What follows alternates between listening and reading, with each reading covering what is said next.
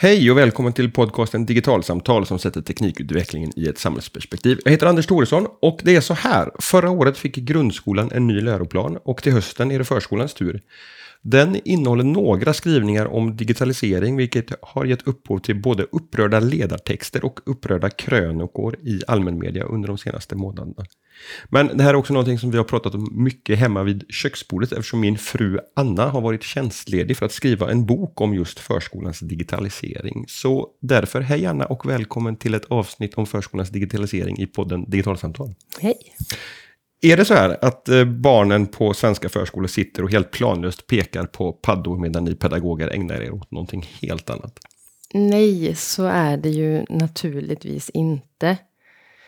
Eh, jag och många andra pedagoger med mig läser de här ledarsticken och debattartiklarna och krönikorna som kommer nu med, med ganska stor förvåning. För att vi känner inte alls igen oss i beskrivningen av förskolans verklighet. Um, ibland vet man nästan inte om man ska skratta eller gråta åt det som påstås um, i de här texterna. Um, ett vanligt påstående är att nu är uh, alla barn tvungna att sitta och stirra på en surfplatta.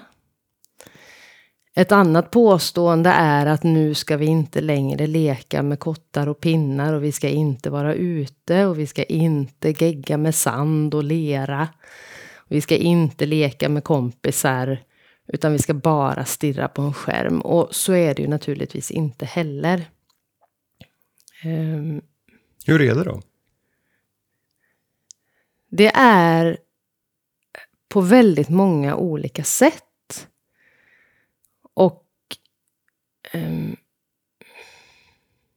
jag tänker att man behöver, det, det finns många olika uh, saker man behöver förstå i det här för att kunna sätta ihop hela bilden.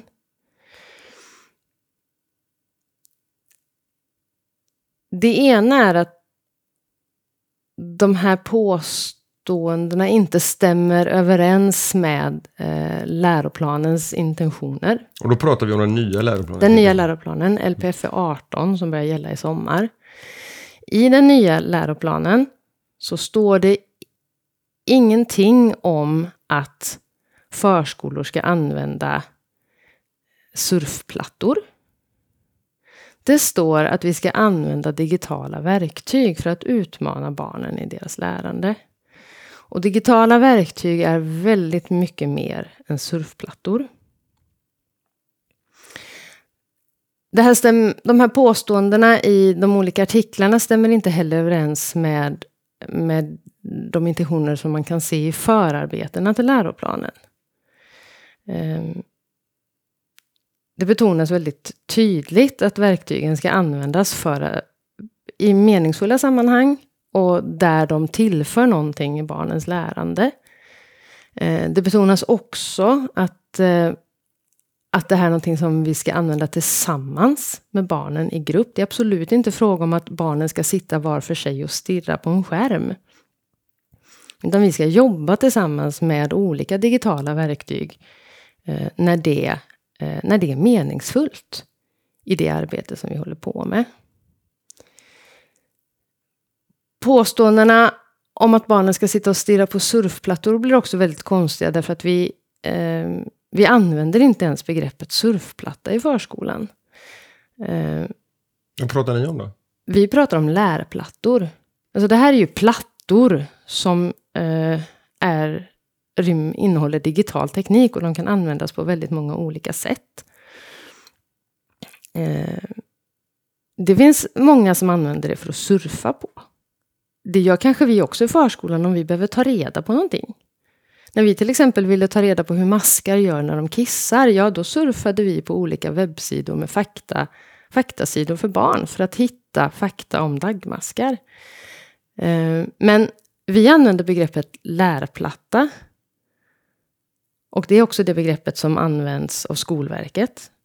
Eh, för att synliggöra att det här är ett verktyg vi använder för att stimulera och utmana barnen i deras lärande. Men blir det inte det egentligen bara semantik? För det, det är samma typ av produkter som vi pratar om, oavsett om vi väljer att kalla det för surfplatta eller, eller lärplatta. Vad, vad, vad, spelar det för roll, vilket, vilken term vi använder för det? Jag tänker att vi lägger in eh, ganska mycket värderingar eh, och förutfattade åsikter i de ord vi använder. Och det är stor skillnad på att säga att man surfar och att säga att man lär sig någonting. Begreppet surfplatta har fått undertonen av meningslöst, planlöst, eh, förströelse. Och det är inte vad vi sysslar med i förskolan. Men ibland använder vi en lärplatta när vi jobbar med ett särskilt innehåll och med ett särskilt område därför att lärplattan kan hjälpa oss i det arbetet. Och tydliggöra någonting för barnen eller de får kan få möjlighet att utforska någonting på ett nytt sätt. Men om du, om du får beskriva, liksom, vad, vad är digitalisering i, i, i förskolan? Hur, hur syns digitaliseringen i, i en svensk förskoleverksamhet? Mm, jag skulle vilja backa ett steg först. Mm. Uh, för i den här debatten om huruvida svenska barn ska tvingas sitta med surfplattor i förskolan så måste man också hålla, skillnad, hålla reda på och göra skillnad på um, hur, det, hur det var förut och hur det är nu. Um, det här är den första läroplanen där, där eh, digitala verktyg eh, skrivs in så tydligt i förskolans läroplan. Men för ett antal år sedan så fick hela samhället tillgång till de här plattorna som i olika sammanhang kan kallas surfplattor eller pekplattor eller lärplattor. Um, och väldigt många barn fick tillgång till dem hemma. Um, Eh, en del förskolor eh, tog i, i liten utsträckning in ett, ett eh, antal plattor för att utforska hur vi, om vi kunde använda den här tekniken på något sätt i vår verksamhet. Ehm, då visste vi inte än vad vi skulle kunna göra med dem. Då fanns det inte heller än någon forskning.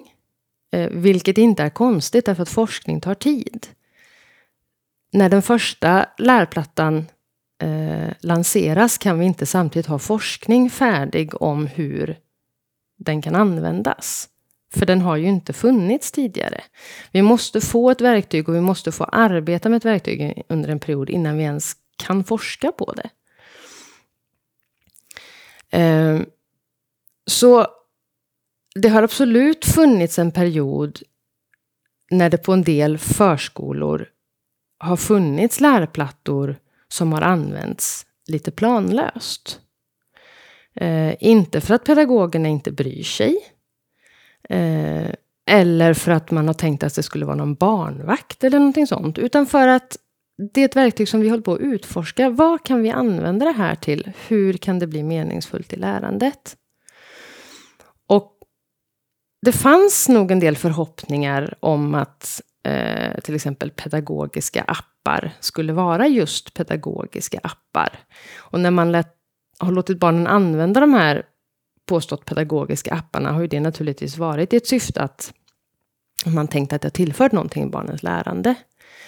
Eh, så har det sett ut. Inte i hela förskolesverige, men på en del förskolor.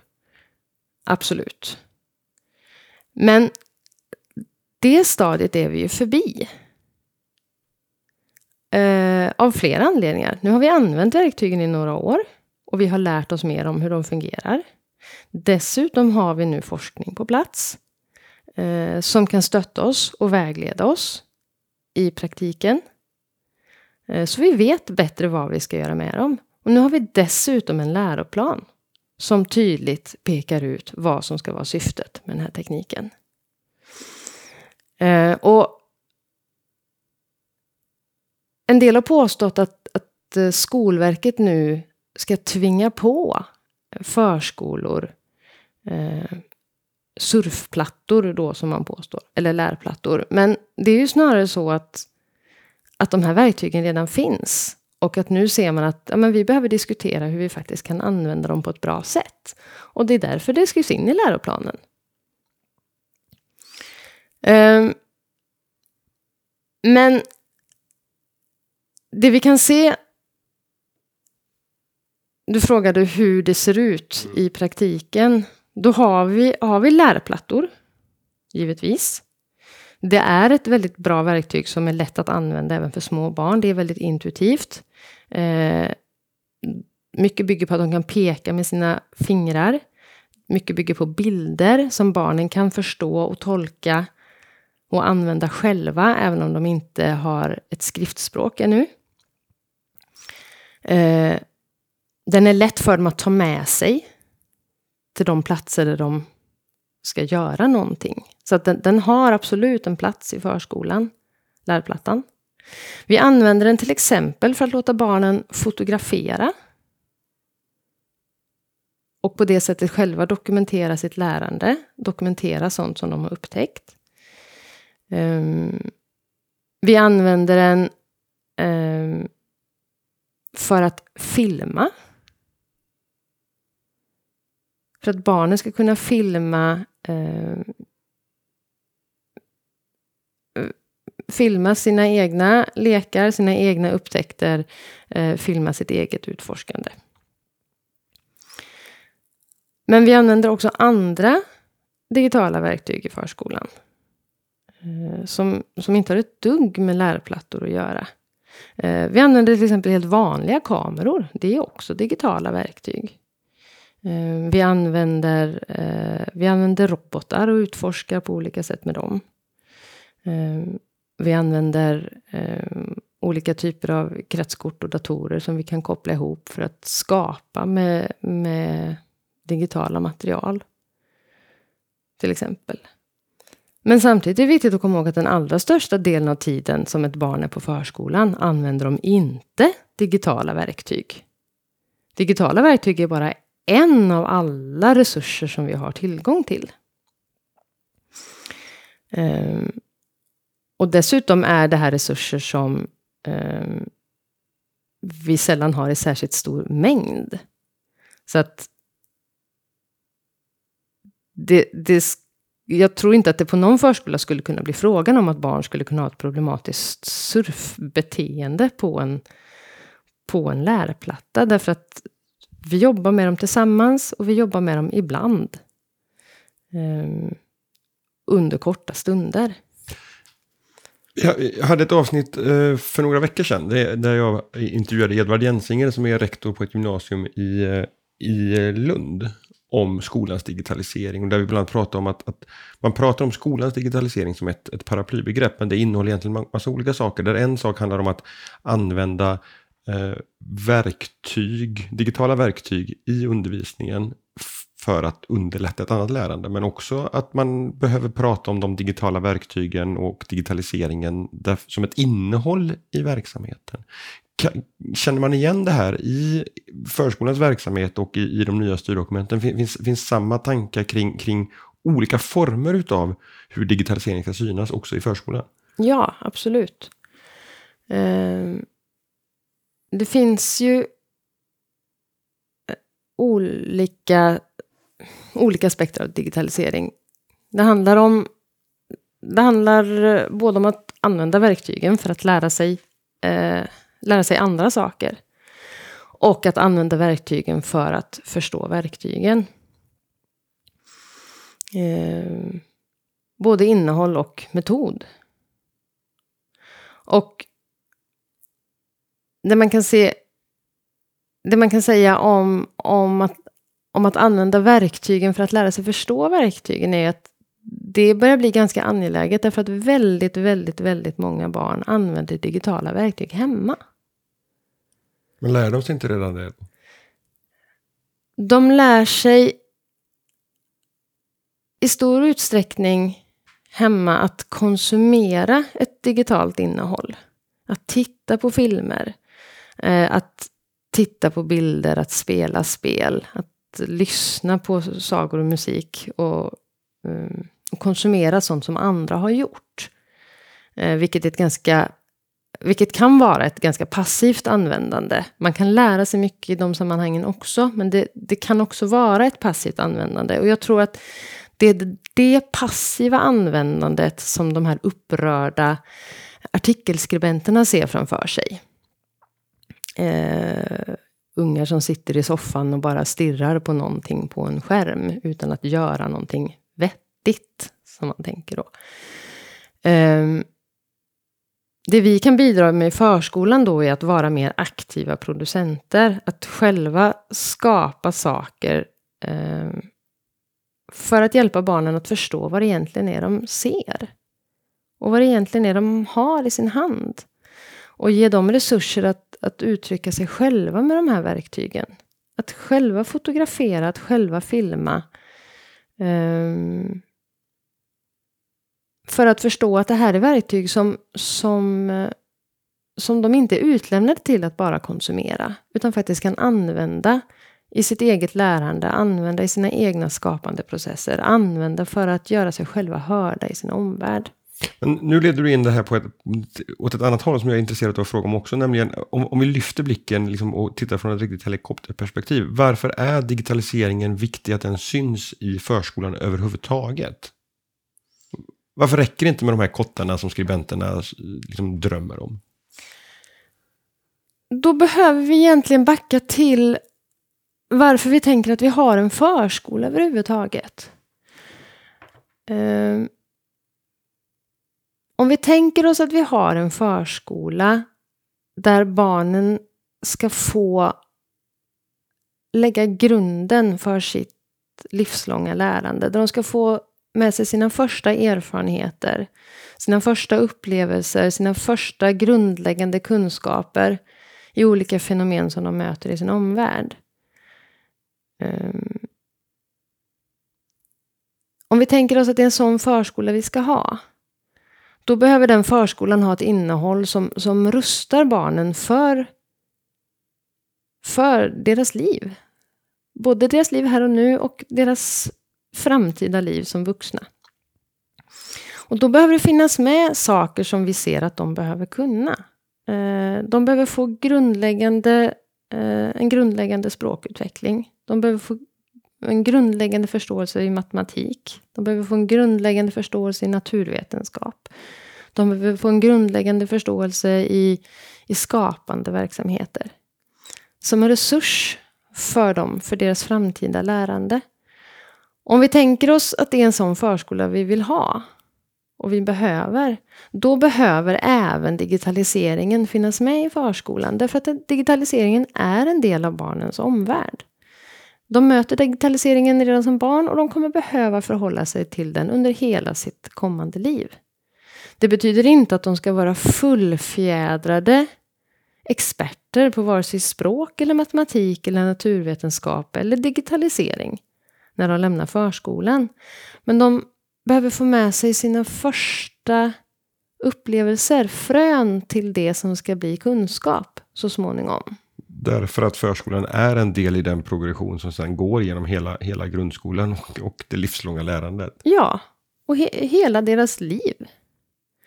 Eh, om vi inte tycker att förskolan ska ha den här rollen att förbereda barnen för det de behöver kunna i sitt liv. Då hamnar vi i en annan diskussion. Då behöver vi diskutera varför vi ens har en förskola. Men, men om vi är överens om att förskolan ska ge barnen grundläggande erfarenheter och kunskaper som de behöver med sig i livet, då behöver även digitaliseringen finnas med. Eh, och den behöver finnas med både för att de behöver den sen och för att de redan, redan lever i digitaliseringen. Ehm, så vi kan, inte, vi kan inte strunta i en del av deras liv. Däremot så kan vi hjälpa dem att använda digitaliseringen på ett bra sätt. Ehm, på ett eh, på ett konstruktivt sätt och på ett sätt som, som berikar dem. På ett sätt som utmanar dem i deras lärande så att de, de får med sig bra erfarenheter av de här verktygen. Och det är förskolans uppdrag.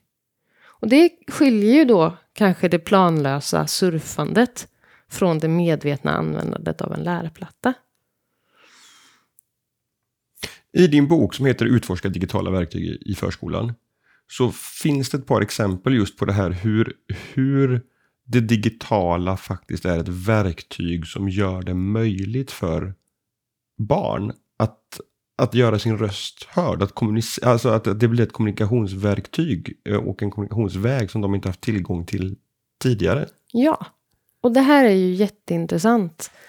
Um, och här kan man verkligen prata om forskning, för det finns mycket forskning på det. Många, många av de här upprörda eh, artikelförfattarna nu påstår att det inte finns någon forskning på digitala verktyg i förskolan, men det gör det.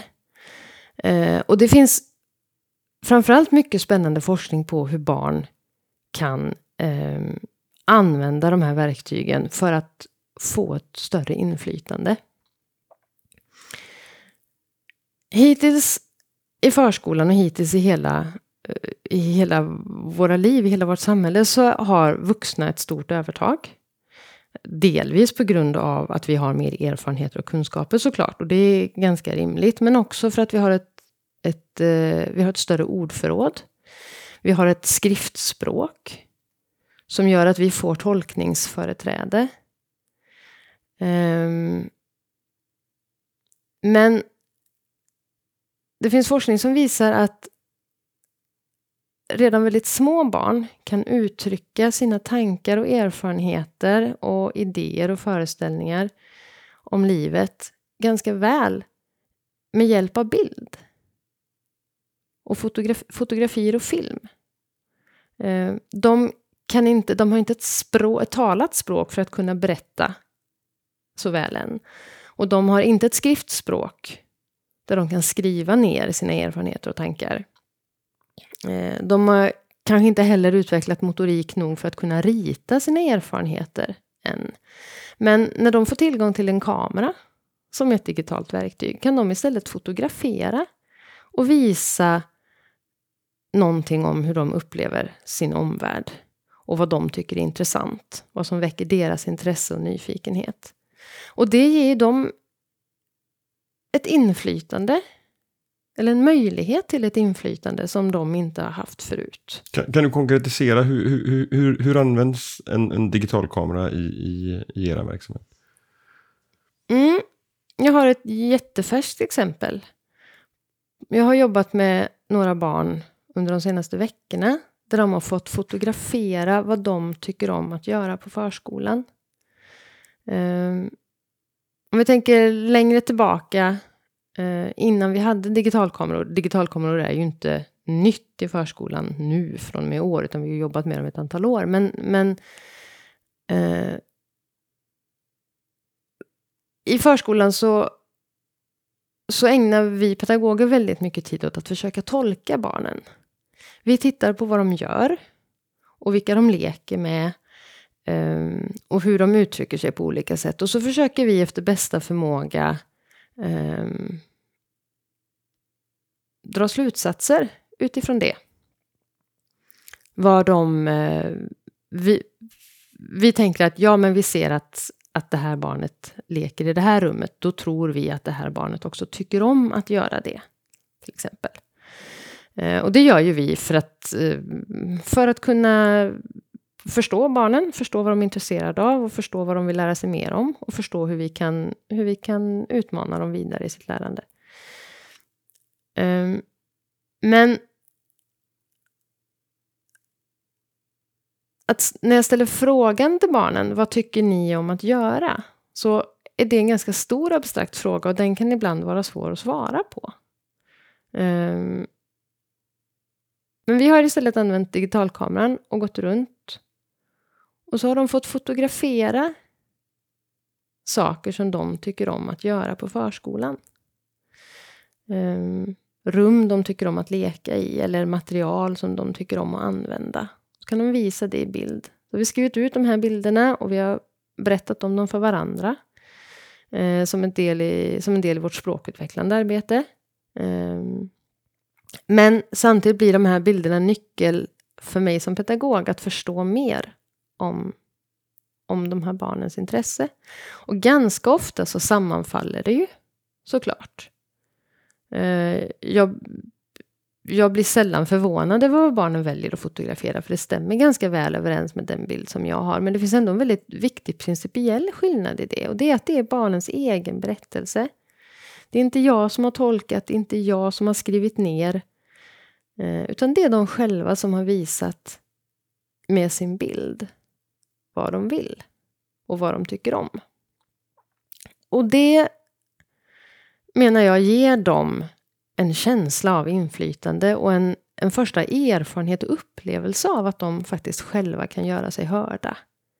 Att de kan att de inte behöver tolkas av någon annan, att de själva kan visa och berätta um, hur de upplever sin omvärld. Och det är viktigt. Rent, ur ett rent demokratiskt perspektiv. Rätten att få göra sig hörd och rätten att bli lyssnad på. Och rätten att få ehm, uttrycka sin åsikt och att få ta inflytande över sin vardag. Och ju förr man får uppleva det, desto bättre, tänker du? Ja, det tänker jag. Det är naturligtvis inga stora saker som vi gör.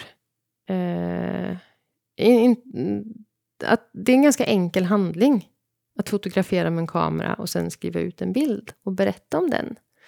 Men, men det är principiellt viktigt för de får en första erfarenhet av att eh, deras ord är viktiga och deras erfarenheter är viktiga och deras upplevelse av världen är viktig.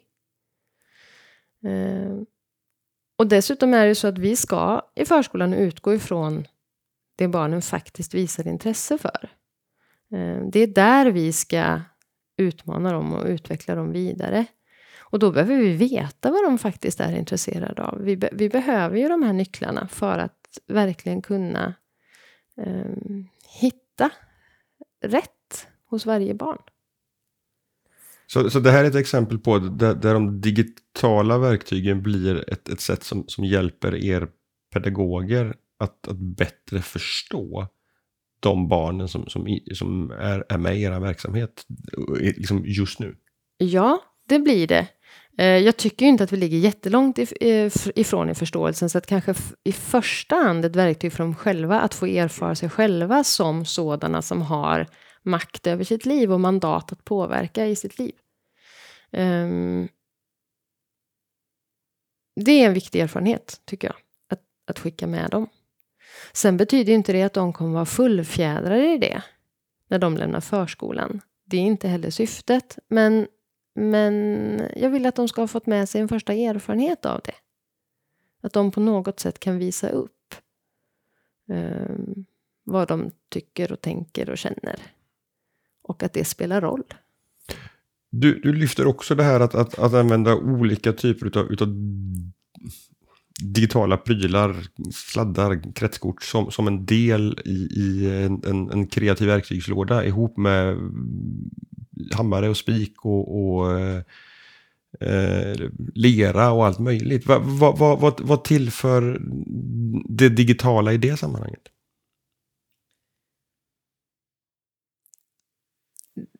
Digitalt skapande är ju väldigt, väldigt spännande. Eh, Och jag tänker att det kanske är snarare det är, är skapandet som tillför det digitala någonting. Hur menar du då? I det avseendet. Eh, skapande är verkligen förskolans hjärta, förskolans hemmaplan. Vi, är, vi har jobbat otroligt mycket under lång tid med skapande i olika former. Eh, men vi skapar inte i tomma luften, vi skapar med material. Eh, och i förskolan skapar vi med material för att, för att det är roligt och härligt att uttrycka sig. Eh, men också för att återigen ge dem de första erfarenheterna av hur de kan använda olika material och verktyg för att, eh, för att uttrycka sig och för att gestalta någonting och för, för att skapa någonting. I förskolan blir det kanske bara en liten igelkott i lera. Eh, men så småningom så, så ska ju barnen kunna skapa någonting annat, någonting större, någonting som de behöver i sitt liv eller någonting som vi behöver i vårt samhälle. Och för att våga skapa nytt så måste man kunna någonting om det. Och för att kunna någonting om det så måste man någon gång få börja. Och vi börjar redan i förskolan med att skapa. Och nu för tiden så har vi även digitala material. I vårt omgivande samhälle har vi eh, mängder med produkter som, som innehåller olika material, även digitala. Eh, vi har vi har bilar med digitala komponenter, vi har rullstolar med digitala komponenter, vi har eh, kylskåp med digitala kom komponenter. Vi tänker oss att de här digitala komponenterna komponenterna kan tillföra någonting och kan, eh, kan göra de här produkterna bättre för oss människor på något sätt. Eh, och då är det ju ganska givet att även de här digitala materialen behöver ingå i, i det skapande arbetet i förskolan. Eh, precis som vi skapar med andra material så skapar vi också med IT. Det betyder inte att vi slänger ut de andra materialen. Men det, det går att, att bygga en, en liten figur i snickarverkstan i trä och sätta på ledande koppartråd på den och lysdioder och sen också koppla in den i en dator och åstadkomma någonting, göra någonting nytt med den. Um, och det är, är ju väldigt spännande att se vad, vad kan det bli, vad kan vi göra? Vad är möjligt att skapa om vi förutom lera, textil, trä, metall också kopplar in digitala saker. Va, vad händer då? Det är ett ganska det är ett kreativt utforskande helt enkelt och en vana vid att, att, använda, att använda olika material. Som, som jag sa i inledningen, så det här är ju samtal som vi har haft över det här köksbordet ganska många gånger under, under det senaste halvåret, eller egentligen ännu längre tillbaka i tiden. Men, men, jag fick faktiskt en, en, helt ny tanke nu som jag inte har testat tidigare.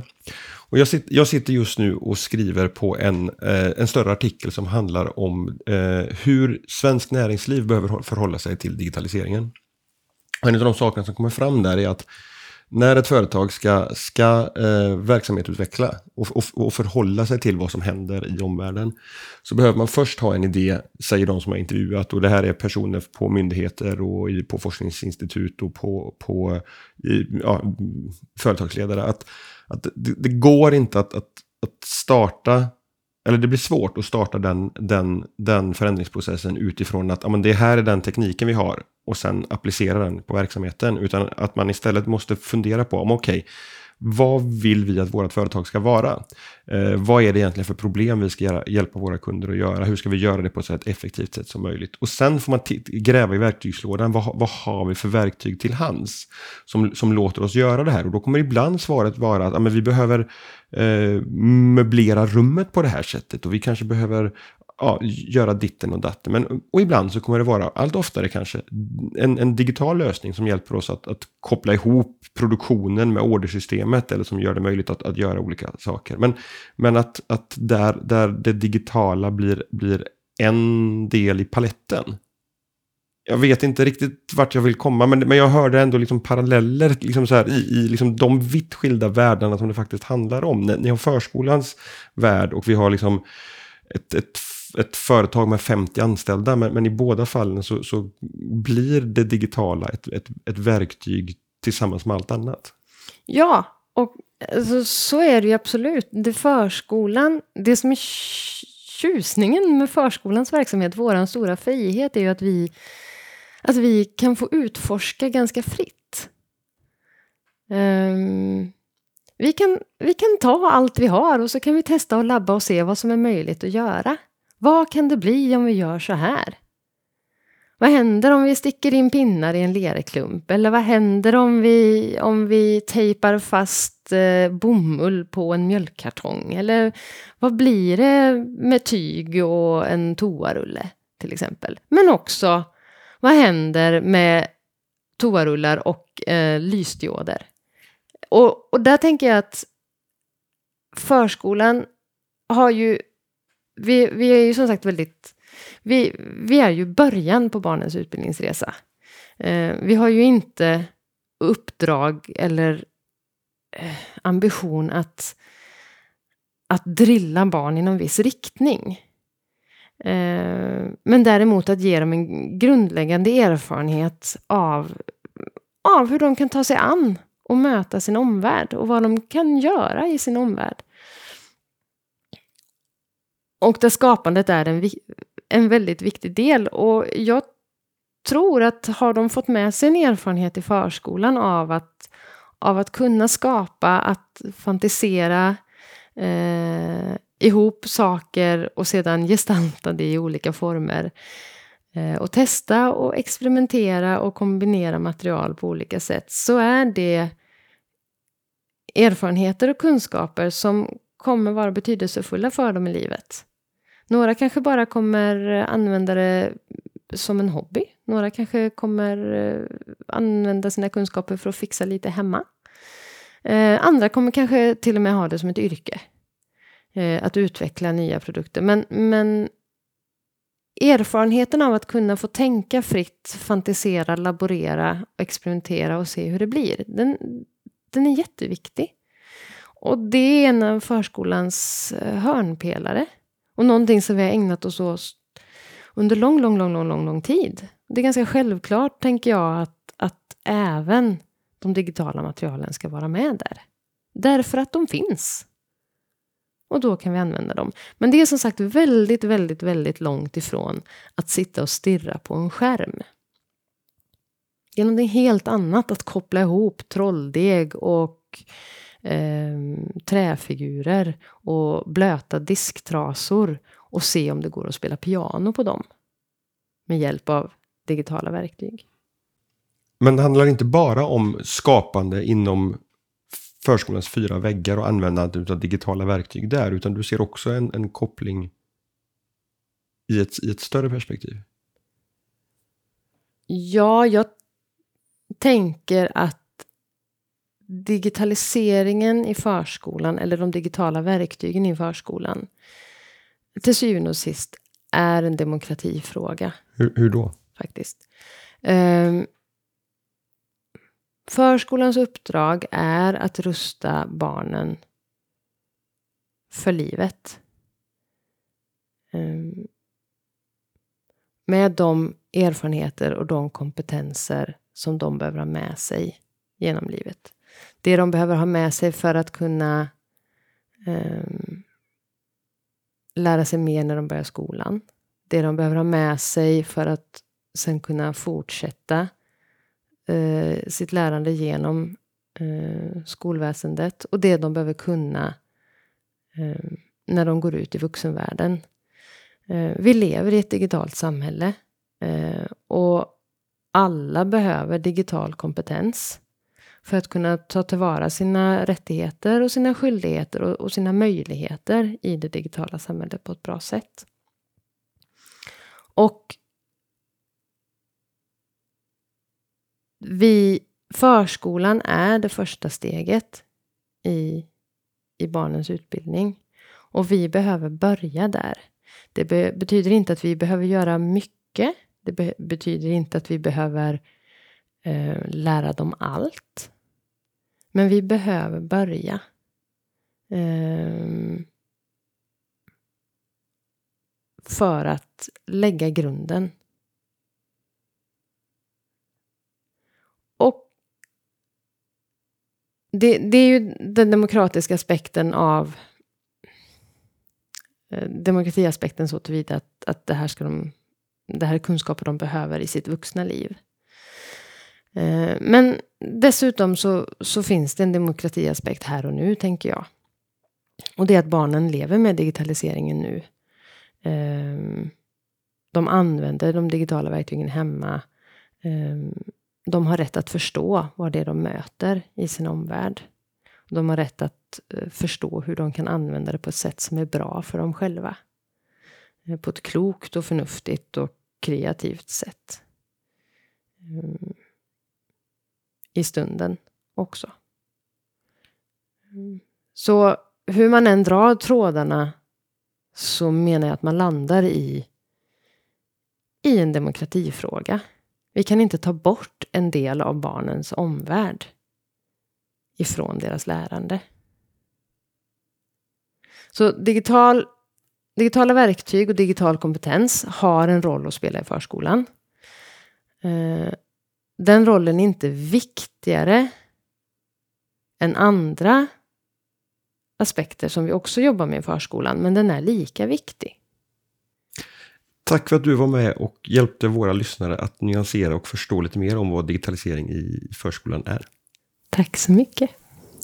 Och till er som har lyssnat, hoppas ni uppskattade samtalet och återkom gärna via podcast digitalsamtal.se med tips och förslag på fler personer att ha med som gäster i podden.